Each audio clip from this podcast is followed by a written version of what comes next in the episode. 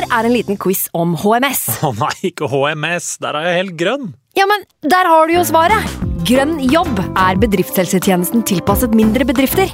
Våre HMS-eksperter hjelper mer enn 8000 bedrifter over hele Norge med alt fra lovpålagte HMS-krav til pålegg fra Arbeidstilsynet. Få på plass bedriftshelsetjeneste på grønnjobb.no. Hallo? Jeg kommer fra Oslo politikammer. Ine Jansen er purk. Er du purk? The motherfucking bitch. Alt jeg vil, er å finne ut hva som skjedde med mannen min. Jon Carew. Er jeg sikta for noe? Iben Akeli. Det er du.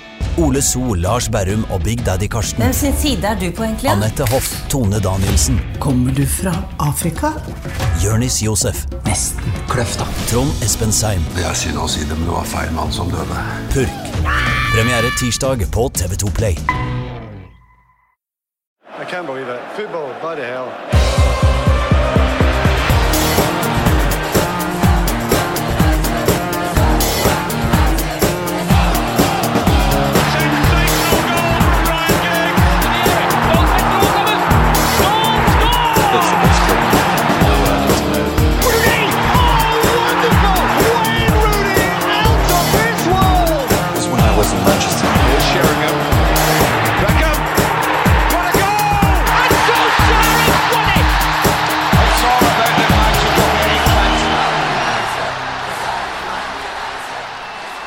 Velkommen til en ny episode av United We Podcast. Jeg heter Kenvas Enus Nilsen. I dag så har jeg med meg to eh, deilige United-supportere. Han er gjøgler, han er manusforfatter, han er skuespiller, og han er levemann! Seb Brunstad! Ja, nå har jeg også lagt til en ny uh, tittel. Jeg er også astronom. Astro... Og jeg spår United en lysende framtid. Ja, se der, ja. Er det astrolog eller astronom som spår? Husker ikke. Astrolog som Jeg tror kanskje log er spåinga. I så fall er jeg log. Og tusen takk for at jeg har fått komme. Men først og fremst levemann. For, ja, for jeg tror nom er de som har utdannelse innen noe. Altså, det er de kan, ikke. det, det er du ikke, nei. Så det kan jeg ikke skryte på meg. Eh, Reporter i Dagbladet, Fredrik Filtvedt, velkommen til deg også. Takk skal du ha. Du har jo eh, vært med her så vidt før, men ikke mens jeg har vært med. Nei, det var en uh, Olé Olé-episode på Ja. nå, som også ble en podkast. Ja, ikke jeg har sant? så vidt vært innom her før, da. Men da blir det jo på en måte litt sånn jomfruturen din i eh, United Podcast med meg, i hvert fall. Så da må jeg liksom spørre deg ut litt om hvordan du ble United-supporter. Um, jeg har en storebror som er eh, fem år eldre enn meg. Jeg er født i 92. Eh, så um, jeg ble jo egentlig født og oppvokst i en uh, treble-sesong, da, nesten. Ja. Sånn, det er det første jeg husker. Mm. Så jeg er veldig, veldig bortskjemt. Hatt veldig fine år som United-supporter fram til eh, Ferguson og Gill tok hatten og gikk. Ja. Eh, men det er vel min bror da, som skal tilskrives æren for at jeg eh, tok til fornuften. Ja. Hvordan, du, hvordan ser du på liksom tida nå, da? Fordi du blir en sånn mellomgenerasjon. Altså Du er liksom på en måte uh, født mellom suksess og fiasko. Ja, det, hvordan føles det? nei, til å begynne med da, så tenkte jeg at uh, det, er, det her er en spennende tid. Dette har jeg ikke opplevd før. Det verste jeg har opplevd som United-supporter er liksom tredjeplass og finaletap, og Ja. det, det var liksom helt krise. Uh, så til å begynne med var det spennende. Eh, nå har denne elendige perioden ikke, Det er ikke en periode lenger. Nå har det vært syv, uh, syv triste år. Uh, så det er ikke så veldig spennende lenger. Det er ganske, det er ganske tungt. Men jeg står veldig fint i det og tenker at dette er godt, da. Jeg er så bortskjemt. Men, Ja. men jeg, jeg, tar gjerne, jeg tar gjerne litt finspill, noen poeng og noen pokaler snart igjen. Altså, det, får være, det får være grenser. Selv, altså, Petter uteligger hadde det hyggelig på gata, men selv han dro hjem til kona til slutt. Så nå er det på tide å få noen trofeer. Helt riktig. Eh, før vi går videre, favorittspiller gjennom tidene? United-spiller, selvfølgelig. Nei, eh, Solskjær var jo den største favoritten til å begynne med. Eh, og hvis jeg kan fortelle en veldig kjapp historie, så fikk jeg eh, i 2002 så vant jeg en tur til Old Trafford for å møte Solskjær. Oh. En sånn konkurranse bak på melkekartongen. Oi! Fordi at jeg ligna litt på Solskjær. Ja, ja, ok, Så, kanskje litt, ja. så eh, den eh, Det Var det en sånn look-alike-konkurranse? Eh, Nei. Nei. Broren min skrev søknad for meg og argumenterte med at eh, kompiser sa jeg ligna litt. Ja. Så det, Det det var Solskjær. Ja. Og så husker jeg at jeg også klippet meg skalla med en sånn stripe pga. Beckham, da, for Ja. et karneval på barneskolen. Så Beckham og Solskjær var de største heltene da jeg vokste opp. Hvem er egentlig din, Seb? Har vi snakka om det? Du, Det har vi snakket om uh, mange ganger, og jeg har jo en knapp på Ryan Giggs Ja. uh, som uh, min fav all time, men nå om dagen Scott McTominay. Det trenger vi ikke å spørre om. Er. Du ligner jo egentlig mer på Scott McTominay. Jeg har hørt det nå. Ja, Det er helt vilt! Du, du har alltid noen å ligne på. Kan folk i det ganske land sjekke om det er en McTominay-konkurranse bak på melkekartongen? Ja. og, og send han en mail. Eh, I dag så skal vi snakke om uh, Wolves-matchen uh, hjemme på Old Trafford. og Vi skal snakke om noen nye spillere og noen spillere på vei ut. Og Så er det jo straks uh, Eller så er det jo vinterpause også nå. Um, så vi må liksom prøve å fylle dem litt godes for å gire oss opp til matchene som kommer. Begynne med Wolverhampton-matchen. da. Ja. Egentlig Det første jeg har lyst til å spørre om, er jo det er jo en ny midtbanespiller i Manchester United. Bruno Fernandes. Hvordan Stemmer. klarte han seg? Nei, jeg syns han klarte seg godt. Han blir kasta rett innpå. Han har nettopp kommet til klubben. Eh, voldsom hype, må jeg innrømme. Jeg gleder meg jo, men det man ser, er nøyaktig altså Synd at det ikke ble en seier, si det først og fremst. Ja. At det var en match vi godt kunne ha vunnet, men vi holder nullen. Wolves er et tøft lag i år, alt dette her, men eh, Og vi er svekket, uansett hvordan du vrir og vender på det, og vi pælmer på en helt ny mann. Men jeg syns han isolert sett gjør en god kamp. Mm. Han er, det er tydelig han tar plassen sin, han har passion, han har fire, han har touch. Han er opp og ned banen og kjører på, kommer til noen avslutninger. Sikte sliter uh, bitte litt enda. Men uh, der tror jeg vi altså Ut ifra den ene kampen jeg har sett, så tror jeg han kommer til å bli en ressurs. Jeg er fornøyd med Brunos første match. Enig, Fredrik? Jeg er helt enig, og jeg syns det er kult å se at eh, han tydeligvis har skallen som trengs. da. Mm. Eh, det å gå inn i debuten, og han virker ikke sjenert i det hele tatt. Holder ikke, holder ikke igjen, han prøver igjen og igjen. eh, slår noen feilpasninger, treffer ikke med alt han gjør. Eh, på ingen måte prikkfri, men, men det er kult å se at han tør, og han gjentar det hele tiden. Eh, og så er det kult å se at, at han hiver seg ned, eh, kaster seg ned i taklinger. Ja. Eh, litt sånn redd for at å nei, er dette, skal, skal skaden komme allerede her, fordi det er litt overtenning.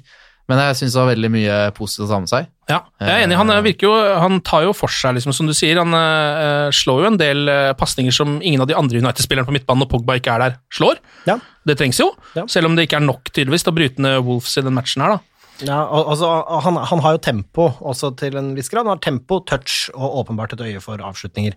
Han har en god frisparkfot uh, også, og han har den selvtilliten. Han kommer til å fortsette å skyte, han kommer til å fortsette å skyte seg inn, han kommer til å bli en innmari god spiller. Men han har ikke backupen nå.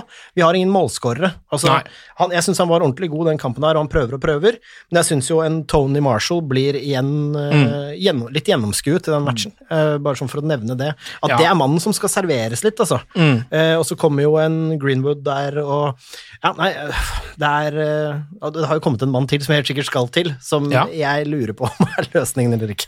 Men, ja, eh, det, Vi skal til Odio Negallo selvfølgelig etter hvert og snakke om han, eh, men eh, um, det som jeg merker med Bruno Fernandes, er jo at eh, altså sånn, Eller jeg bare lurer på hvor dere syns han eh, klarer seg best, for i første omgang så spiller han jo en slags tier.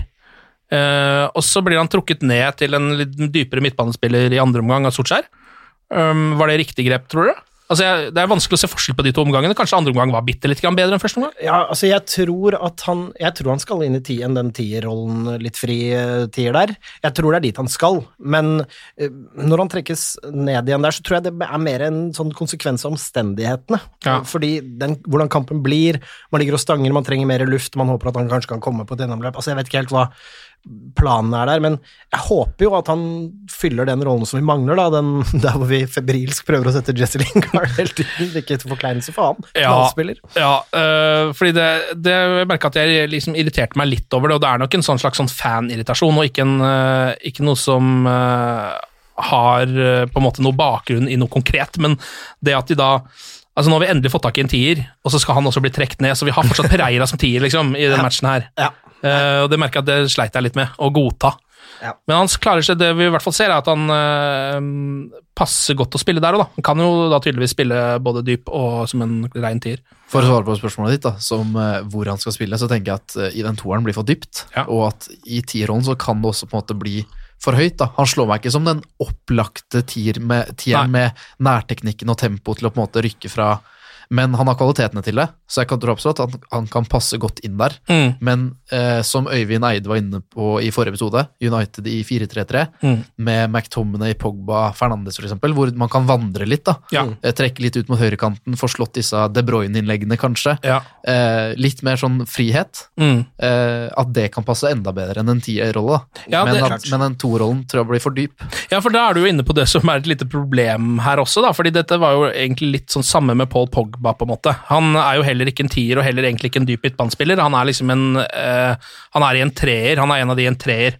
Og hvis Bruno Fernandes også er det, så må jo Altså, Da har vi ikke kommet noen vei med formasjonen vår, da må jo Solskjær bytte opp hele greiene sine. Nei, men jeg tror eh, altså Det er litt sånn som du sier, at hemmeligheten her er altså det å få liksom litt flow i midtbanen. Det der, den De Bruyne-greia. Du kan jo gjerne sette opp en teamsheet og være veldig sånn streng på det, men jeg tror at med liksom Tommy og Pogba i, i, en, i et spann, også en litt friere rolle for for han, han kan veksle, han kan bytte. Og jeg tror han prøves litt dypt i banen også fra Solskjær, rett og slett for å se. Mm. Uh, at liksom, ok, hvordan blir det, hvordan ser det ut? Altså det er en plan her. Ja. Og jeg tror jeg tror når du får Scotty, Pogba og Bruno Fernandes på banen, så tror jeg midtbanen ikke kommer til å være vårt største problem. Nei, det er jo i så fall veldig positivt. Da har vi jo i tillegg Freddy bakom, som jo kanskje har vært den beste av de spillerne her i år. I hvert fall den som ikke har vært skada og Ja. spilt hele tiden. Ja, vi nærmer oss nå, vi nærmer oss nå hvis han fortsetter, da, og det er det jo alle, etter alle solemerker, blir ikke Fred noe dårligere nå. Nei. Så da har vi fått det vi ville ha ut av han. Han begynner å vise verdi, han kan bli bedre. Mm. Vi har Bruno, som har spillet seg inn, som allerede er god, viser det første dagen, at det er passion og full fyr. Så har vi Pogba, som vi mest sannsynlig mister i sommer, la oss være ærlige der, men om vi bestemmer oss for å være strenge og beholde han, så har vi han. Og så har du Scotty, som er liksom selve hjertet i laget. Ja, selve hjertet i laget. selve pulsen til United og prosjektet med ung pågangsmot, vår, vårt backbone, syns jeg, da. Mm. Og og da syns jeg altså at eh, den midtbanen begynner å den begynner å se god ut og se positiv ut. og Hvis man da får spedd på det vi mangler av eh, spedd på det vi mangler av backups og gode målskårere, Mm. som vi absolutt trenger en backup for Rashford, fordi der er det skrint. Det er også godt å, se, eller godt å høre at Bruno har fått sin egen eh, sang allerede av eh, supporterne. Eh, Bruno, Bruno, Bruno. He's from sporting like Cristiano. He goes left, he goes right. Makes defenses look like shite. He's our Portuguese magnifico. Ah, den sitter. La, la, la. Den er ikke dum, den. altså. Den, den, den syns jeg sitter. Men kan, er det mulig å få altså, Da skal ikke jeg hisse meg opp, det er ofte jeg hisser meg opp, men nå begynner jeg å bli lei av Pereira. Ja. Altså, det, det, altså, Sol, altså, det er ikke hans skyld, han prøver, men han er jo ikke god nok! Nei. Men stakkars, da leser ikke artikkelen om at han lå våken til klokka tre om natta etter Liverpool-tapet. Ah, han gjorde det, ja. Så det er jo Å, ja, så han var trøtt og slapp, litt, ja. Uh, litt sånn medfølelse syns jeg vi skal ha. Altså. Ja, Ligger han våken hver natt til klokken tre? Ja det, For det gjør vi, er det det du men jeg vet ikke om, for jeg syns ikke han virker trøtt ut på det heller, så det er, det, det er nok ikke det det går på. Nei, Men, han, eh, han er nok ikke god nok, Nei. og så har han ikke selvtillit. Eh, og så har han fansen imot seg, Mm. og så det er bare en ond spiral som han ikke kommer ut av. Nei, det er akkurat det. Han og Lingard er jo litt den samme spiralen. Han har satt seg i bæremeisen til Jesse Lingard, han. Ja, han har på, I fritt fall ned fra fjellheimen. Dessverre. Eh, Men det samme gjelder jo også litt av Antony Marcial om dagen. Han eh, er jo eh, stillestående, litt sånn hjelpeløs på topp akkurat nå. Solskjær var ute og tok ham i forsvar, sier at han rett og slett er utslitt. Det kan jeg fint tro på. Mm. Du ser jo resten av troppen er jo så å si utslitt, de også. De har blitt skada, mange av de òg. Men hvor blir det av å hente opp noen da? Hva heter han unge som har 0, hva han hadde, eller 1, et eller annet eh, i målsnitt? En, eh, fra U23, vel. Eh, jeg fikk det, fader, altså, husker jeg ikke navnet. Men en spennende spiller som det var snakk om at kanskje kom på benken Ja. i forrige match. Ja. Eh, som ikke gjorde det, riktignok. Men eh, altså, det, hvis du vet at Antony Marcial er utslitt, og han i utgangspunktet ikke er en garantist for mål, så skjønner jeg ikke hvorfor han spiller fra start, eller hvorfor han er der. Nei. Altså, du har alternativer nedover i rekkene, da må du liksom ta Rashford-metoden, hent noen opp, prøv. Han kan sitte på benken, kanskje komme og gjøre en forskjell. Jeg syns ikke det er noe forsvar i det for Solskjær, når han leverer nok en dårlig kamp, og du liksom sier ja, men han er utslitt. Ja, men hvorfor spiller han da?! Det finnes en eller annen altså, det finnes en eller annen kid som er sulten, og som kanskje kunne fått Ja, noe. det er jo Mason Greenwood da, som er den Ja, men han er jo også sliten! Ja. Forstår du nok, og han må passes på. Så Ja. få opp noe mer, mener jeg. Så ta, ta noen sjanser nå, den sesongen her. Så er det kanskje vi har en sjanse i Europaligaen. Vi er jo fortsatt, med et mirakel trylleslag, fortsatt in touch av denne fjerdeplassen, som er ut ifra utsiktene. og selv om Bruno er en god signering, så har vi en Rashford med brudd i ryggen og Odion Igalo som eneste. Hvis han slår til, så har vi sjans. Hvis ikke, så tror jeg nok vi allikevel kan begynne å eksperimentere litt med unge spillere. Jeg er ikke uenig i det du sier om uh, Martial, om at hvis han er så sliten, så skal han hvile, men her føler jeg at Solskjær taper uansett, da, så lenge ikke United vinner og den eventuelle debutanten går inn og scorer. Ja. Så blir det, ja, men han orker vel en time, la han spille en time, da. Hvorfor spilte han ikke en time? Så får han, altså, det Ja. blir feil uansett, da. Vi ville kritisert dette Ja. uansett hvilke valg Solskjær tar. Ja. Og det er jo problemet med den negativiteten vi opplever, uansett hvor vi leser og hva vi leser. Ja. Og, ja. Og det er jo fordi at altså, han eh, Troppen er jo tynnslitt. Ikke sant? Det er jo det som egentlig er Hvis man skal liksom altså Nå må man jo selvfølgelig prøve å analysere seg fram til hvorfor det har blitt sånn at troppen er tynnslitt, men sånn som det er når troppen er tynnslitt, så har han jo ikke så mange valg, da. Sitter jo med de få puslebrikkene som han har. Prøver å lage et helt puslespill av det, Ja, og det går ikke opp. Han mangler et par brikker. Ja, det er litt sånn, han sitter og bygger med Lego, og så har han liksom Pereira og uh, Lingard, da, som Mm. er i praksis liksom er Playmo. Ja. Det, det, det, det leker ikke sammen. De passer ikke det, er- sammen Det er veldig vanskelig. Uh, ellers uh, så er det jo en svær sjanse helt på slutten av matchen som Diogo Dalot får. Det var jo liksom muligheten for å vinne den kampen, var det ikke da? Den står jo og vipper, liksom. Kan jo nesten ikke på en måte altså, sånn, eh, Jeg føler at man kan nesten ikke kreve at han skal score der heller. Nei, men det ser ut som han kom, at den kom litt overraskende på. Ja. At den ikke expecter the unexpected. Altså, Ja, ja, ja, ja. eh, norsk-engelsk der. og som en altså- høyreback på et par og tjue år, så kanskje ikke det er så rart. Nei, så Han kunne ha skåret. Eh, hadde han forventa han, så hadde han nok på en måte ikke lukka øya. Og så ser du at den sklir i tillegg. Han gjør det. Så det er marginer imot der. Ja. Eh, kunne skjedd. Ja. Hadde vært veldig deilig om det skjedde. Der er, der er det fort gjort å dømme han, og jeg syns jo det, det han, innhoppet hans mot Tranmere Mm. eh, og eh, mot Wolves Jeg syns Diogo ser ut som en fyr som kan bli noe, og det lover godt for eh, lover godt for United. Når vi først er inne på Diogo, så lurer jeg på om vi skal ta et uh, spørsmål her, for det er et uh, som uh, dreier seg om han. Skal jeg bare se om jeg finner det først Burde Dalot ta en bail og bli kant? Er det brother Jonas som spør om? Jeg synes at han burde prøve det, i hvert fall. At han burde matches eh, i en kanteposisjon og se om han muligens har innleggene. Fordi det du kan ta deg 100% faen på, er at han ikke er en bedre forsvarsspiller enn Wambisaka. Ja. Men om han har leggene, så kan de to sammen liksom være én komplett høyrekant, hvis Ja. du skjønner hva jeg mener. Og noen alternativer på den høyre siden trengs jo sårt også. Absolutt, og han har defensive fibre, og jeg syns at Dalot, sånn som det er nå, ser ut til han å ha mer offensive fibre. Altså, Der hvor Wambisaka har teknikk og kan komme seg forbi en mann og sånn, så er foreløpig innleggsfoten hans lagd av harpiks. Den treffer fint lite. Altså, til nå. Altså, nå Ja han, han Han kommer til å bli rå, men innleggstrening i sommer, Aron, Ja. kan Jeg ser faktisk litt for, eh, eh, forbedring der allerede nå. For det var Ja. én kamp her nå, husker jeg ikke hvilken det var, men eh, hvor han traff på en tre-fire innlegg på rappen. Ingen av de ble mål, selvfølgelig, men han var i hvert fall der. Ja, og det, det er nydelig. Så det er godt å se, og han blir ligaens og en av verdens beste eh, høyrebacker hvis han legger innlegg til gamet. Mm. Men Dalot, er kant for å svare på spørsmålet. Jeg tror ja at det kan være et alternativ for Dalot. Jeg syns han ser god ut, og har teknikk og fart og styrke.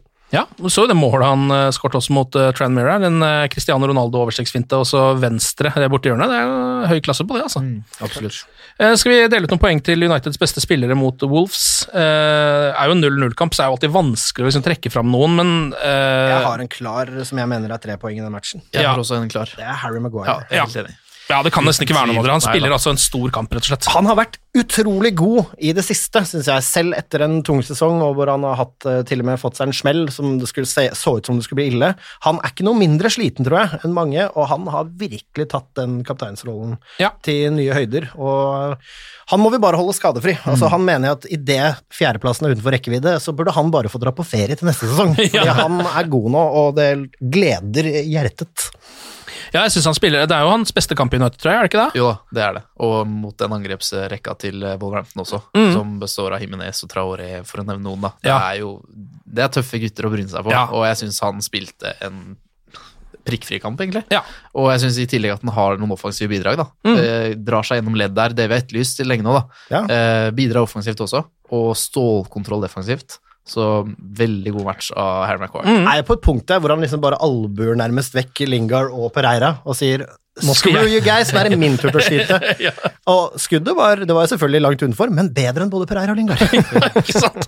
Eh, ellers så er jo, står jo David Egea en bra match. Eh, føler at han er sånn litt tilbake i den der eh, uslåelige formen sin igjen. Gjør ikke de store tabbene som han pleide å gjøre. Han har rista seg tabbene, og det Ja. er behagelig å se. Og så syns jeg han, han glimter jo til med DGA-redningene, men de har han jo hatt, selv når han har tabber. Så uh, Ja. han har jo hatt matcher hvor han slipper inn lomper og redder umulige skudd. Mm. Så at jeg føler at det han har gjort nå, er å rydde bort tabbene. Han er trygg igjen bak der. Og altså keepersituasjonen i United nå, mellom han og godeste Henderson? Eller? ja, ja, Han er jo ikke der ennå, men Nei. Romero er jo også bra nå. Ja, Romero som verdens beste angriper, og en Henderson som uh, er vår. Mm. Keeper der er ikke bekymret. Eh, jeg vil også trekke fram bekkene, egentlig. Shaw Wambisaka syns jeg spiller bra i den kampen her. Fred er ålreit. Eh, er det noen Altså, nå har vi gitt tre poeng til Maguire. Bruno Fernandes spiller jo en solid kamp. Ja, og han har kasta rett innpå, og det jeg syns at han fortjener kanskje et poeng eh, i eh, matchen, fordi han kommer rett inn, han er spirit, han er eh, uredd, gønner på, han er høyt og lavt, viser alle de andre på det laget at hei sann, det er min første dag, men Mm. det betyr ikke at jeg ikke er både forsvarsspiller, midtbanespiller og angrepsspiller. Så la oss løfte standarden litt her. Så ett poeng fra meg ville gå til han. Helt enig. Helt enig, ja. Oi, oi, Og det, det jeg liker så godt med Bruno i tillegg, er jo disse videoene vi har sett i sosiale medier etter kampen, hvor han står og forteller James at eh, du skal gjøre ditt, du skal gjøre Ja. datt, gjør sånn. Eh, en leder, da, ja. tydeligvis. Eh, Han var jo kaptein i Sporting, så han har vel de genene. Han har de genene, men det at han i tillegg han snakker engelsk, han går rett inn fra dag én og tar ansvar og begynner å, å lede gutta. da. Vi har skriket lenge etter en ledertype nå i United. Mm. Så en spiller med de kvalitetene vi savner, som går på skudd fra, fra avstand, og i tillegg er en kapteinstype, da. Perfekt. Ja, enig. Og, og det kan hende at det er kanskje grunnen til at Maguire også løfter seg enda et lite hakk nå i Wolves-matchen. At Bruno i garderoben sitter og stirrer på kapteinspinnet til Maguire. Ja. ok, hva med topoengeren, da? Jeg syns Aron, jeg, altså. Jeg Ja. likte han også. Jeg syns det er noe defensivt der i den matchen. Det kan jo ikke gå til noen i angrepsrekka, og ingen andre på midtbanen heller, mener jeg. Og da er det Maguire. Jeg syns ikke DGA fikk det så vanskelig, jeg syns ikke han er to poeng verdig, så jeg mener er Shaw eller Wan Bissaka, og jeg legger den til Wan Bissaka. Han har noen taklinger som er bare ut av denne verden. Ja, han har det. Enig? Jeg tror det. Ja. Jeg, eh, det det jeg syns er positivt med Shaw, er i hvert fall at han virker å ha tatt opp hansken etter at uh, Brandon Williams har gått inn. Ja. Hvor vi alle, alle tenkte at eh, nå er den Williams sin. Så virker det som at eh, Shaw har fått den eh, puffen han trengte for å på en måte ta litt ansvar. Og Er det ikke det ene, så er det det andre for Shaw, altså. Da, som endelig fit igjen. Bare I'm gonna be the best in the world! Og så Ja. bare Ashley Williams better. Ja. ja, de er jo, Det er jo litt rart, det greiene der. De, eh, de to er jo på en måte til sammen den perfekte venstrebekken, liksom. For så er vel bedre defensivt, mens eh, Brandon Williams er jo bedre offensivt, virker Ja det som, iallfall. Ja, Så jeg mener at uh, Uniteds beste elver nå er jo med Williams uh, fra start. Ja, det gjør det. Det, er, det er gøy å se at så uh, etter så mye kritikk, da, og Mm. hvor vi bare har tenkt at han er for dårlig, at han i hvert fall leverer noe som ligner på det vi vil se fra han. Ja. Ja. og så kan man diskutere i det vide og brede om han faktisk er god nok. Det er en Ja. annen diskusjon. Og så kommer man til The Promised Land, dekning. Det er det en klubb skal ha. Vi er, litt sånn, vi er litt sånn i sjokk ved United om dagen når det er sånn to spillere som kan bekle samme posisjon! Ja. Så er det sånn City har tre! Ja, ja, ja. Jeg husker jo bare den der, altså, diskusjonen som gikk på SoMe da det var snakk om om Haaland skulle komme inn. Så var det sånn Hæ, vi har jo ikke plass til han engang! Hvor skal han inn, da? Det er jo, Martial er jo foran der! Ja, det er Så bare sånn, ja, det er vel bare han, egentlig. da. Men, ja, det, og, og knapt hans. ja, og Greenwood. Ja. Men Mason for, for å spille. Men er vi enige da? Er det Maguire på tre, Van Bissaka på to og Bruno på ett, da? ja. Ja. Det syns jeg høres ut som en, eh, en fin poengdeling i den matchen der, jeg. Eh, ellers har det jo kommet en ny spiss også til United. Han er på lån ut sesongen. Han har fått eh, nummer 25, eh, Antonio Valencia sitt gamle nummer, og han heter Odion Igalo. Ja. Eh, nigeriansk spiss. Spilt i Tippeligaen, eh, spilt i, for Watford eh, i en tre sesonger eller noe sånt, par-tre sesonger. Ja. Da var han jo ganske bra. Han skårte 33 mål på 82 kamper i, eh, in the Prem. Ja, han skårer vel i sesongene uansett, for han spiller ikke in, Altså, ikke, hva er det, 15 mål? Ikke noe mindre enn 15 mål eller 14 mål, eller hva det er? Ja, for han har, altså I Kina så har han jo da I første sesongen hans eh, så hadde han eh, 36 mål på 55 kamper. Ja. Og så eh, nå i det siste i Shanghai, Greenland, Shenhua, hvor han har vært, så har han da eh, 17 kamper, 10 mål. Okay. Så snittet hans er jo bra, men dette her er jo Kina, da. Men jeg tenker hvis vi går tilbake til Watford igjen jeg har, jeg har ikke sett han spille siden han var der. Jeg bare lurer på hva slags nivå han er på. Er det noen som har noen som helst peiling? Vet du hva, jeg skal gå Men hvis du har litt peiling, så kan du peiling i mellomtiden, mens jeg Og går vi jeg har min feiling på kinesisk. Ja, men jeg skal gå inn på min trofaste følgesvenn Foothead. Ja. eh, for å se hva han er på Fifa. Bare, eh, jeg vet at veldig mange, mange Jeg får litt kritikk av og til, for du kan ikke bruke det som en mal. Jo, men du kan se, har han noen inform-kort, for eksempel? Har han noen perioder hvor han har gjort det bra? Eller hva, hva, hva bedømmer de han som? Så vennligst uh, si noe faglig du over bordet, og så skal jeg prøve å finne ut Faglig om den kinesiske ligaen, der, eh, Ja. der har jeg ingenting å komme med. Det såpass ærlig må jeg være. Men hva, hva Men, hva tenkte du da de så, du så Ok, nå har de lånt Odion Igallo. Første reaksjon. Første, reaksjon, jeg syns det blir så urettferdig, da. Fordi jeg er så frustrert over at en klubb som United, med åpenbare behov, går inn i et overgangsvindu og venter til siste dag med å signere. Ja. Så derfor eh, Mye av frustrasjonen går på en måte på det, og rammer da urettferdig Odion Nigallo. Ja, jeg skjønner. Og så Om United hadde signert eh, Igalo 7. januar, så hadde jeg nok ikke vært kjempefornøyd og positiv, men Du hadde ikke følt deg så desperat, da. Nei, det er nettopp det. Så han får jo på en måte kjeft da, for at den ble henta på siste dag. Ja. Eh, men eh, hvis vi skal si noe positivt, så er det at en spiss som skårer mål, har jo selvtillit, uansett om han har skåret i Kina eller Premier League. Mm. Så han tar med seg et fint målsnitt fra Kina til Premier League. Eh, og å komme inn eh, med selvtillit, det er selvfølgelig bare positivt med det. Mm. Så, så tror jeg han har ingenting å tape. Ingenting. Odion Igalo. Altså, han kommer inn her, og det er ingen som har noen forventning. Første gang han går på, så vil han bli klappa på, og vi håper at det går. Bøtter han ei kasse i første kamp, så kan han være i gang. Og jeg ser her på Fifa-ratingen hans at han ligger på småpenne 77 overall av 99. Men han har 84 i pace, 79 i fysikk og 72 i skudd. Det vil si, han er en relativt rask, noenlunde ålreit avslutter, med mye styrke i kroppen. Ja, øh, og det var jo noe som øh, Øyvind Eide, som jo er kampanalytiker og kan litt mer om sånne ting enn det vi kan, øh, han øh, sa jo det i forrige podd han var innom her, at det liksom hvis det er én spillertype som han mener United mangler, så er det jo en litt sterk, øh, delvis målfallig spiss. Det er vel akkurat det de på en måte har henta. han er sterk, Igallo er vel også opp mot 1,88 høy eller noe sånt, tror jeg. Bør være helt øh, ålreit inni boksen der også. Eh, så vi får se. Han, altså, det, er en, eh, det er jo ikke det vi ville ha, så eh, ærlig kan vi vel være. Ja, men det kan godt hende det er det vi trenger. Ja, for han tilbyr noe de andre spissene ikke har. Ja. Og han har vist at han kan skåre mål i Premier League. Nå er det noen år siden, men bare det at han har vist at han har nivået tidligere. Ja. Det er på en måte Hvor negative skal man være? Jeg er mer negativ til Uniteds strategi på verdensmarkedet enn at han kommer. Og Ja. jeg mener at det var kjempenødvendig å få inn en. Ja. Så skal jeg være glad for at det kom noen. Ja, for det, altså, ja, Hvis han bare i det hele tatt kan ta noen minutter Ja eh, fra Martial og, og fra Greenwood, på en måte, så er jo det bare det hjelper jo litt. Ja, og, og, og så synes jeg Men altså bare for å kaste meg på det du sier om overgangsmarkedet der, da. Du, du er veldig mild i din kritikk. I- det er ikke jeg. Jeg blir forbanna av å gå inn i et overgangsvindu hvor vi har mangler. Midtbanen blir adressert med Bruno. Det drar seg altfor langt. Han skal være klar 1. januar, og så er han ikke det pga. forhandlinger. Og sier man sånn yeah, well, the clubs er sånn Det der var dere enige om for lenge siden, men dere prøvde å presse prisen, ikke prøve å ljuge Ed. De har jo prøvd å hente han i et år, Ja. på en måte. Ja, og så å si. Og så har Ed Woodward fått mye, for mye kritikk. Altså, Man kan hive seg på det at det er mulig å ta ting altfor langt, så ikke noe sånn forsvar av pisset mot Ed. Nei. Men kritikk verdig, det er han. Eh, og det skal være lov. Uh, og, og jeg syns det er provoserende at det drar seg ut. Vi taper kamper vi kunne hatt en større sjanse i av at han ikke får spilt seg inn, Bruno. Og så vet vi, nå vet vi at altså, Martial skårer ikke nok. Greenwood er sliten, han er ung, han skal ikke ødelegges. Og så går Rashford ut med et tretthetsbrudd i ryggen. Ja. Et tretthetsbrudd! Da har du spilt for mye fotball! Hva trenger vi da? En spiss. Ja. Og så tenker man ja, der er det sikkert mulig å hente noen. Altså, Bruk noe penger, kanskje, til og med. Og så er jeg enig, vi skal ikke gå i en uh, Alexis-felle og signere noen på fem år med altfor mye penger.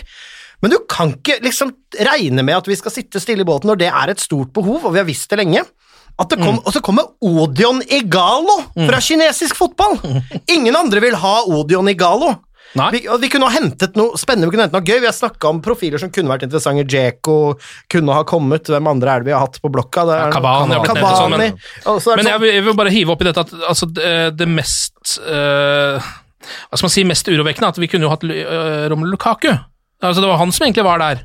Ja, Han sendte man jo bare ut uten å hente inn noen andre, liksom. det har vi også Solskjær gjort. sa jo det.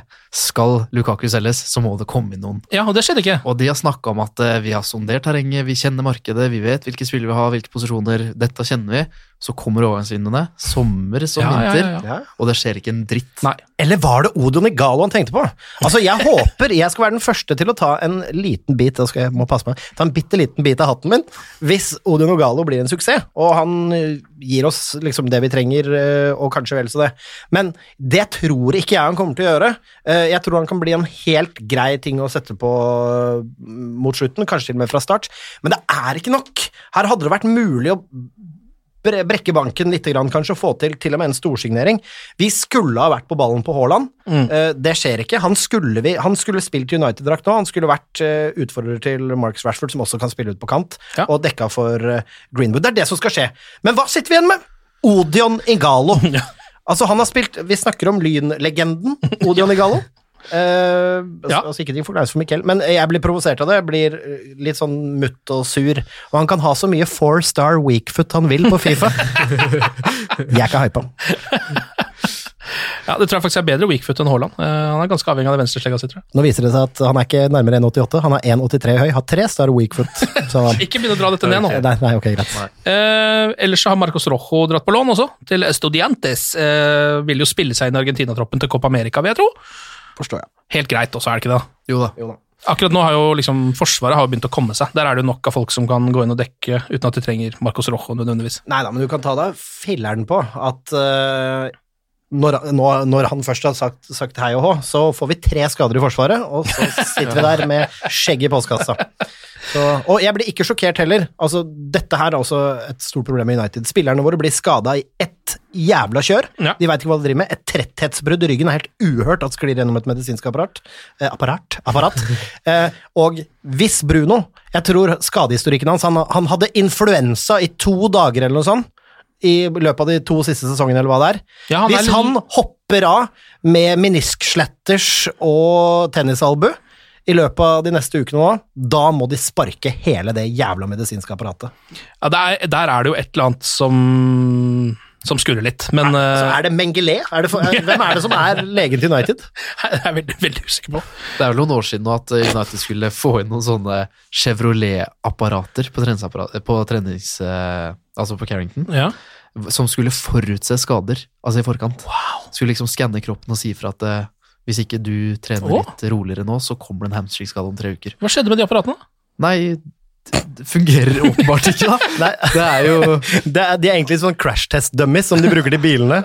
Sånn for å sjekke når de må. Det er der de har sett Rashford gjennom den der crash. Er Nå, nå står treningen deres nå er å løfte motorblokker inn i Chever, og så er det skanner i den dokkemaskinen etterpå. Jeg leste kommentaren til eh, Dag Langerød før jeg kom hit. Jeg tror eh, han skrev at United ikke hadde hatt fulltallig fulltall i lag, altså Mm. sin foretrukne elver siden 19. august. Det stemmer nok, det. Så, så vi skal på en måte ta alle disse resultatene og Ja. spillet i en, sett i en større sammenheng, da. Ja. Men det er jo fullstendig sjukehus, bokstavelig talt. Ja, det er At det er Hvor lenge har det ikke vært sånn da? Nei, nei, altså Spør du meg, har vi ikke hatt vår foretrukne elver siden 1999. Så Ja, nei, men det er jo fordi, for, altså, altså, Det her er jo en sånn eh, Det er jo tosidig her, for man kan godt si det at det liksom det unnskylder United-laget, United-troppen og Solskjær litt, grann selvfølgelig, at han ikke har kunnet spille med sine beste spillere. Det sier seg jo sjæl.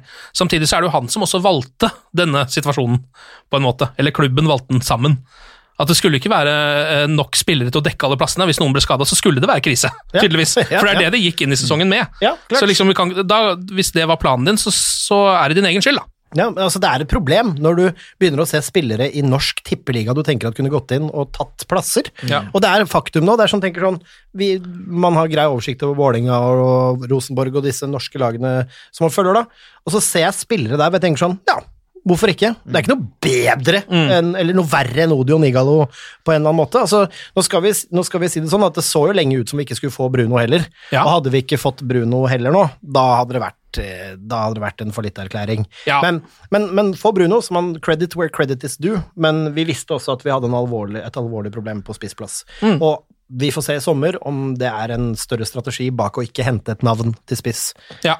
Vi får håpe at det er det, i hvert fall. Apropos skader, så um, var jo Solskjær ute etter Wolves-kampen og sa at uh, Pogba og McTominay sannsynligvis ikke er tilbake i løpet av februar. i hvert fall. Det var ikke det han sa. Han sa at de ikke skal være med på treningsleiren til Marbella, som er nå i vinterpausen. Ja. Men det betyr jo på en måte at det er tvilsomt om vi vil se det i løpet av måneden i det hele tatt, vil jeg tro. Ja, tror For det tar sin tid å spille seg inn, eh, inn der, så det blir nok en litt tørr måned det der også. Jeg tror Pogba kan ha spilt uh, sin siste kamp. Jeg tror han fort kan sit this one out fordi han bare ønsker å gå. Uh, og så tror jeg kanskje det kan være en avtale på plass mer eller mindre allerede, og at han er redd for å rive opp operasjonen.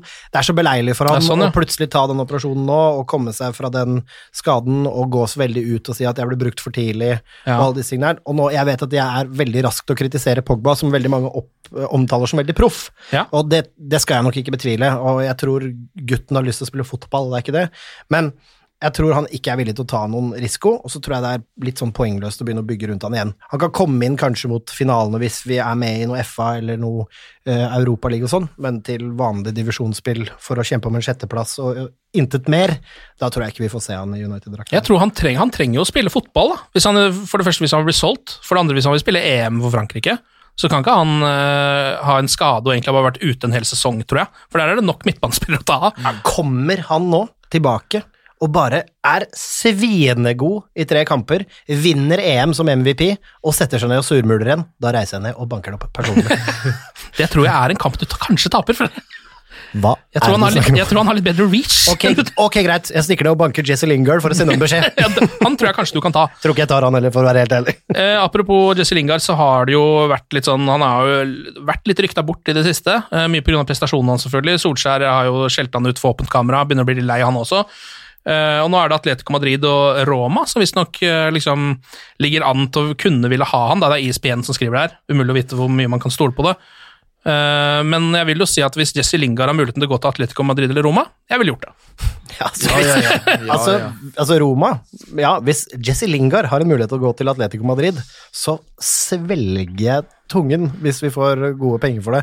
Men Ja, Men du har jo sett hva som skjer borti Inter nå. Altså det, man får jo gode, eller man får i hvert fall eh, United-spillere er tydeligvis du eh, attraktive, da. Du kan ikke sammenligne. Young er, Young er en, en god spiller som nå er tredjemann i rekka, Ja. og er gammel og har lyst til å få litt mer fotball ut av sine gamle dager. Det har jeg respekt for og forstår, eh, og han har aldri altså Han har hatt noen kriseperiode for United, men han er en helt habil spiller. Ja. Jeg skjønner det. Lukaku er også en knall spiller. Han har styrke, han har, han har fart, han, han har masse, men han passet ikke inn i den fotballen vi spilte. Vi spilte ikke Lukaku-fotball, nå får han være Lukaku. Jeg mener jo at han aldri burde vært solgt uten å hente noen, som vi snakket om. Det burde jo vært omvendt, at vi kjøpte noen, og derfor så kan du gå.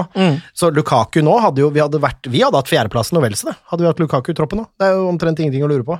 Men når det kommer til Jesse Lingard han er altså nå prøvd så mange steder, i så mange formasjoner, i så lang tid, i så mange forskjellige lag, og han kom som en spennende ung spiller, og har prestert noen ganger i desember, når laget har sklidd og, han, og alt har gått bra. Han er ikke mannen, da! Og, og merk deg mine ord, han får ikke noen ny vår i, at, altså, i Atletico, kanskje, da, men da Men, men han, altså, han Det er den spilleren i verden jeg er minst redd for at blir verdens beste fotballspiller i et annet lag enn Norge. Skal vi ta noen spørsmål fra sosiale medier her også? Um, uh, Harselars, Harselars heter han. Harselars. Han er innom uh, dette som vi var inne på med alle de skadene. Um, han skriver det at uh, i desember så hadde vi tilnærmet fullt førstelag tilgjengelig, minus Pogba, da. Ikke sant? Tok nest flest poeng i ligaen, slo Spurs og City borte og skårte masse mål mot svakere motstand. Hvordan tror dere sesongen hadde sett ut hvis eh, førstelaget hadde vært tilgjengelig hele sesongen? Altså, hvis United sparker dr. Kevorkin fra medisinske apparatet, så hadde vi eh, mye sannsynlig kunne konkurrert Så hadde vi vært skadefrie, så hadde Ja. vi mye sannsynlig kunne konkurrert om en andreplass. Ja. Kanskje. Ja. Altså en tre, andre-tredjeplass. ja. Jeg, jeg tror også at uh, Se liksom utgangspunktet Solskjær har da når han tar med spillergruppa si ut på treningsfeltet og skal øve, så mangler de beste spillerne over så lange perioder som de gjør. Ja. Eh, det er klart det er noe feil med at eh, det de øver på, aldri syns i kamp, eller hva er det de egentlig øver på? At, at vi lurer på det, da. Så sier det seg at det er ikke godt nok det nivået som gjøres uansett. Det mener jeg. Men at United hadde sett langt bedre ut med sine beste spillere, selvfølgelig hadde de det. Ja. Og selvfølgelig er det lettere å få gjennom en spillestil og en plan og en taktikk når du har spillere som klarer det. Ja. Om, om De Bruyne hadde spilt i Lingard sin posisjon på United, så er det klart United hadde skåret flere mål og skapt flere sjanser og sett bedre ut. Ja. Se på forskjellene, liksom, det sier seg selv. Brannfakkel. Nei, men, ikke sant? Det, det skal det. Ja, ja. Men, men det er liksom Spillerne er ikke gode nok. De som er i elver nå, er selvfølgelig ikke gode nok. Og da er det liksom Hvor mye skal man trylle? Ja. Altså, når, når Solskjær setter opp Hvis vi tar en fotballkortanalogi, da. Når Solskjær liksom ser på fotballkortsamlingen sin og skal sette opp Manchester United, så er det ikke én glins! Nei. Det er ikke én glins! Glins, ja! For det er det man er ute etter, selvfølgelig. Ja, er. Pogba er glins, men han er skada. Eh, Det er Øyvind eh, Styrvold som skriver her Ikke noe panikkspørsmål i lys av en svak januar, mer som en konsekvens av de siste ti månedene der United vel har flere ligatap enn antall seire, med Ole Gunnar Solskjær som sjef. Hva tilsier at han har det som kreves på dette nivået, og mener at han uansett hvordan våren ender, bør få fortsette? Det her er jo et nøkkelspørsmål, selvfølgelig. Ja, det er et nøkkelspørsmål, og jeg syns at folk hiver seg på Team Solskjær, eller Solskjær personlig, men også laget Team Solskjær, som vi liker å kalle det, eh, litt for fort. Fordi eh, du kan liksom ikke dømme helt Solskjær når han ikke får det han trenger. Og det er litt sånn manager som også jeg syns Mourinho Mourinho hadde noen ting han absolutt ville ha for å fullføre laget sitt, blant annet en Perisic og litt sånne ting han ikke fikk, som gjør at United-manager må hele tiden make do. Og det er så lett da, for eierne våre, Glaciers og Ed, å si det i perioder at vet du hva, ja, manageren er ikke god nok, vi prøver igjen, vi prøver igjen. Nå har de fått en manager som har klart å starte godt med de første kjøpene, kjøpt ungt, kjøpt engelsk, eh, og bygger et ungt lag, et spennende lag. Da må vi ha tålmodighet. Nøkkelspillerne har vært ute i store deler, man får ikke bygd samhandling eller kontinuitet, og når spillerne våre er ute, så er det ikke fordi vi hviler de, det er fordi de er skadd, og de er borte i flere matcher, og, mange, og det blir overbelastning. Solskjær, er han en skarp nok taktiker? Det gjenstår å se. Uh, vi ser han ta noen altså Han har vært god mot de gode, som er et veldig tydelig tegn at han kan danse med de beste managerne. Han har slått Pep Guardiola Ja. to ganger Mm. på hans egen hjemmebane. Det er en av tre managere i verden som har gjort. Men han har vært for svak mot den dårligere eh, motstanden, antatt dårligere motstanden, som legger seg lavt. Han har slitt med å sette opp en formasjon som bryter igjennom. Det er en blanding av taktikkeriet og mangler. Jeg blir like forbanna, jeg, og tenker Solskjær har ikke en dritt av det som trengs når jeg ser platte ting, men så må man ta to skritt tilbake og gi mannen en sjanse. Jeg tror ganske garantert at dette prosjektet her er 100 eh, satset på, uansett hvordan det går denne sesongen her. Fredrik? Eh, jeg har egentlig bare bestemt meg for at eh, han skal få liksom Nå skulle han få januarvinduet, minst, og da skal han selvfølgelig også få fortsette fram til neste sesong. Mm. Eh, de kan ikke ligge og vake nede blant lag 14, 15 og 16, selvfølgelig ikke. Det er uakseptabelt. Og det som presteres i dag, er heller ikke godt nok. Eh, men jeg har bestemt meg for at han skal selvfølgelig få sommervinduet, og så må han da på en måte også få tid. Eh, så må spillere være skadefrie, tilgjengelige, og at han, han må få lov til å sette sitt stempel og preg på det. da. Du kan si at eh, etter et år i sjefsstolen Trafford, så skal du ha klart å utrette mer enn det han har fått til nå. Og så er det mange grunner til at han ikke har fått det, med sine beste ute nesten til enhver tid. Eh, hadde han ikke hatt norsk pass, så hadde ikke Solskjær vært min favorittspiller og alt dette. Så, så, er det, så hadde jeg sikkert sittet her og hakka han i hjel, ikke sant? Eh, så det er jo mye hjerte og følelser og sånn her også, men jeg tenker at nå har de endelig tilsynelatende staka ut en kurs. Da må de bare følge den, stole på at dette er det rette, og heller eh, la det feile før de staker ut en ny en. Mm. Nå, nå, må, nå mener jeg at de må følge den kursen de har satt, eh, og da skal Solskjær sitte i hvert fall til desember 2020. Men, men, men igjen, hadde vi sittet og hakka han i hjel her? Ja, altså det hadde, vært, det hadde vært lavere terskel for å gå til angrep, eh, helt klart. Men mm, allikevel, det han har gjort med klubben, da, hvis vi ser på det Han har klart å få ut halve lønna til Sanchez. Eh, han, har, Kommer tilbake igjen, han. han har slanka stallen drastisk. Han kommer tilbake, gleder vi oss til. Eh, den videoen. Welcome home! Anyways. Eh, eh, så han har slanka stallen veldig. Han har ikke fått hentet inn så mye. Det han har hentet inn, er ungt. Det er for fremtiden. Eh, og alle signeringene han har gjort, inklusive James, som har hatt en liten dupp, men som er ung og kan komme steder. Alt har vært bra av de tingene. Han bygger et lag som er lett å overta, som, mener jeg, da, som er mye lavere risk. Han kjøper ikke nisjespillere inn for sin taktikk som ikke kan gå inn hos noen andre. Så si da at han fortsetter denne type bygging, da, og går for en Jaden Sancho om vi klarer det, eller noen av de tingene, så føles det ut som en mye tryggere eh, oppbygging igjen. Så vi må la han bygge laget med gode ressurser som kan skoleres og som viser ting. Det gjør han veldig riktig. Jeg tror han er en reparatør. Og så får vi se om han blir god nok taktisk, men han er en reparatør som kan gjerne sitte i en sesong til, kanskje to-tre vinduer, og så kan en Pochettino-type, eller en, en større manager, kanskje ta det. Fordi Solskjær bygger mye mer nøkternt Ja. uh, lag, og det syns jeg vi skal liksom se litt verdien av nå, da. Mm. Uh, og det tror jeg også klubben gjør. Eh, og så får man se. Er han god nok taktisk, så får han stjernene sine i et vindu hvor United brekker banken for å få noen navn inn. Er han det ikke, så får han takk og farvel. Og så kommer det inn noen, og da er plutselig grunnlaget vårt ikke et Mourinho-lag med ni stoppere i alle posisjoner. For jeg, jeg er helt enig i at sånn som det ser ut for meg, da, så er Solskjær helt rett mann til den ekstreme oppussinga United driver med nå. Og så er jeg også usikker på er han rett mann til å ta United tilbake til de høydene Liverpool og City er på sikt, da, for det er jo dit man skal bevege Ja. seg, sakte, men sikkert. Eh, Men jeg skulle bare ønske da, at man så litt mer eh, offensivt mønster, litt mer plantbanen, litt flere poeng, litt flere, mer underholdning, litt mer mål. Ja. Jeg skulle ønske man så det i tillegg til alt det positive han gjør, for det er så mye riktig og så mye bra med disse som forsvinner ut og de som kommer inn og alt dette du prater om.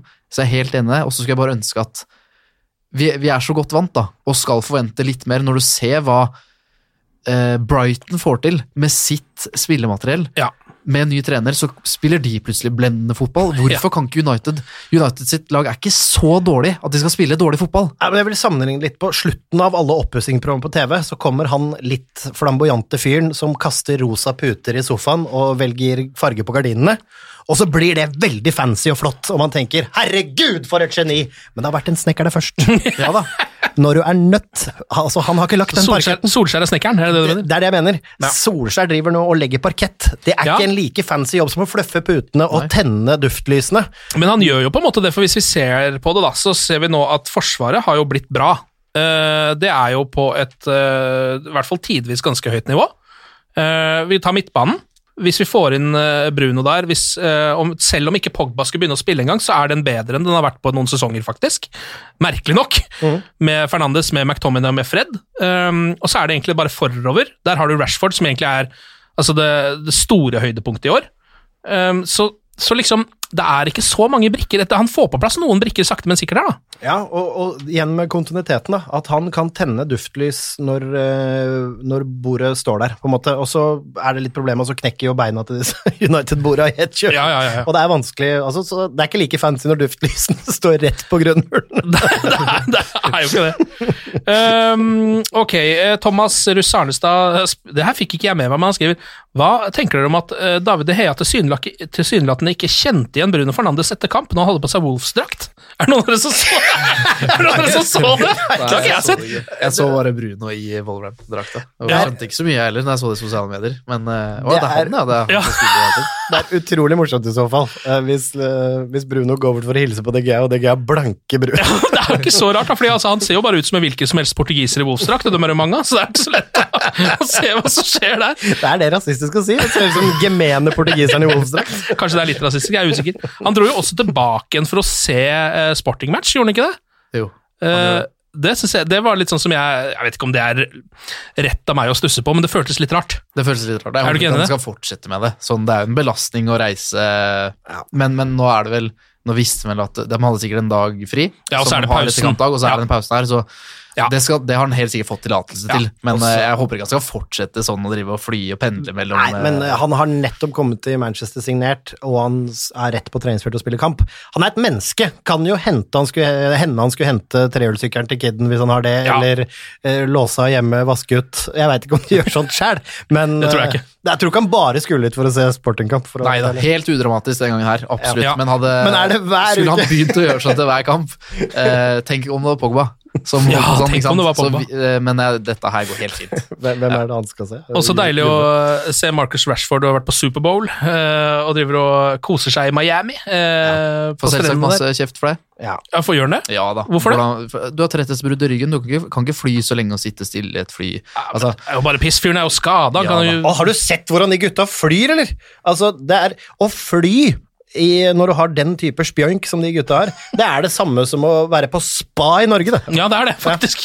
Så det, vet du hva, ikke noe kritikk til deg, Markus. Kos deg på Superbowl, uh, men eh, vær så snill, bli frisk. Fort. Fort, fort, fort. Vi har bare Odion Igalo i bakhånd. Markus, kom igjen. Neste kamp er jo da Chelsea, mandag 17. februar, eh, borte. Ekstremt viktig kamp. Eh, hvis United skal ha den fjerdeplassen, så starter det der, føler jeg. Ja, Um, Chelsea driver jo og snubler, de. ja, eh, de gjør jo det innimellom, de. Og det, er jo, det kommer til å være Det blir jo en eh, Altså, husker forrige matchen de eh, spilte mot Chelsea, så var det jo helt sånn unaturlig flyt som gjorde at de banka inn 4-0 i sesongens første match. Eh, den her tror jeg blir veldig, veldig tett. Veldig, veldig jevn. Kanskje United kan få noe var Ja. og avgjøre matchen. Ja, men dette her er kampen som begge Som er uhyre viktig, fordi det er en sånn slags sånn liten fjerdeplassfinale, om man kan kalle det det. da. Ja. Uh, og her tror jeg begge lag mobiliserer. Chelsea har en sterkere tropp. Uh, de har uh, noen målskårere som er hvassere, eh, men vi går inn i en pause hvor eh, gutta for vilt. Eh, en Greenwood som kommer til å være frisk og rask, og en Martial som kommer til å være frisk og rask, eh, forhåpentligvis, hvis ikke han får et tretthetsbrudd på golfbanen eller noe sånt. Og, Men- ja, og en motstander som Eller sånn motstanderkaliber som burde passe United, da. De er jo gode mot eh, den type lag. Det er nettopp det. tenker jeg. Jeg skulle til å si at det er, jeg tror det er en kamp som passer United veldig godt. Eh, nå husker jeg ikke sist eller hvorfor, men da United møtte Spurs borte, så var det også noen dager pause som gjorde at United dro bort og la liksom slagplanen for bortkampen mot Spurs. Ja, stemmer det. eh, som funka. Mm. Eh, nå er det en lignende eh, situasjon. United får hvilt i forkant, de får lagt en bra plan. Vi har sett at United borte mot gode lag, det, det passer United veldig godt. Det er kontring United er best på. Ja. Eh, så jeg tenker i utgangspunktet at dette er en kamp som passer United ganske godt. da. Mm. Nå er jeg veldig kritisk, ekstremt viktig. Og vi stiller, det skal ikke skyves under stol, vi stiller til den kampen med en ny midtbanestjerne, Mm. Uh, som, er, som er av det kaliberet United skal ha. Uh, det mener jeg at man kan se at han er, og så vil jo tiden vise det. Men han har vært god så lenge at han kommer ikke til å bli dårlig her. Ny kontrakt, ny trøkk, to uker nå til å få taktikken inn i beina, få raskere føtter og hjerne rundt seg. Tror United skal bli seige for Chelsea å ta da, fordi ikke slipper vi inn spesielt mye mål. Nei, eh, vi får jo kanskje bare håpe på eh, første Bruno-mål på Stamford Bridge. 20 meter, rett inn, boom. Jeg kjenner gåsehuden Ja, det. skli oppover eh, Ja, her. takk. Så det var ikke, det var ikke, var ikke verre enn det, nei. Nei. Det er bare å sitte og drømme seg bort, så kommer gåsehuden Det er litt trist at vi får gåsehud av å tenke på at liksom ett mål, bare. Ett mål. Skal Vi taper si, 3-1, sist men jeg fikk, Sist jeg fikk gåsehud, den er enda verre. Det var da disse journalistene meldte at uh, Sanne Berge er for Carrington. Ja, dette er tider, gutter! Nå er det det er det bad guyen, altså. Og så Ok. du bare Å, fjo, ikke Sander Berge, det var Odion Igalor. Ok, Det er jo vinterpause enn så lenge. Eh, Vi kommer tilbake igjen eh, neste uke hvis det er noe å snakke om. Hvis ikke, så får vi, er det ikke sikkert vi gjør det. Vi får- se. Det er vel alltids noe å snakke om med Manchester United, så Altså, det bør gå bra. denne podkasten her har fått et tretthetsbrudd, Ja. så vi trenger hvile, vi òg. Vi gjør det! Uh, tusen takk for innsatsen, Seb og Fredrik. Glory, glory.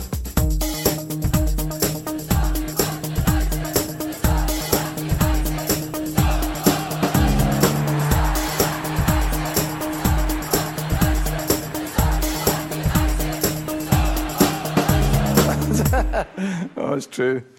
I've seen many things. Moderne media. Ukens annonsør det er matkasseleverandøren Hello Fresh. Der kan du velge mellom 25 ulike oppskrifter hver uke, eller få Hello Fresh til å sette sammen en meny for deg. Jeg sparer tid på å handle, oppskriftene er veldig enkle å lage, og så får jeg akkurat det jeg trenger da, til hver eneste rett, så jeg slipper å kaste så mye mat som jeg vanligvis gjør. Det er også litt deilig å faktisk slippe å gå på butikken, ikke bare fordi det er tidkrevende, og sånn, men fordi man ender opp med å kjøpe så mye greier som man egentlig ikke trenger, sånn som fire poser eh, Smash og en kick med havsalt, eksempel. Det er ikke det du egentlig er der for, du er der for å kjøpe, kjøpe middag.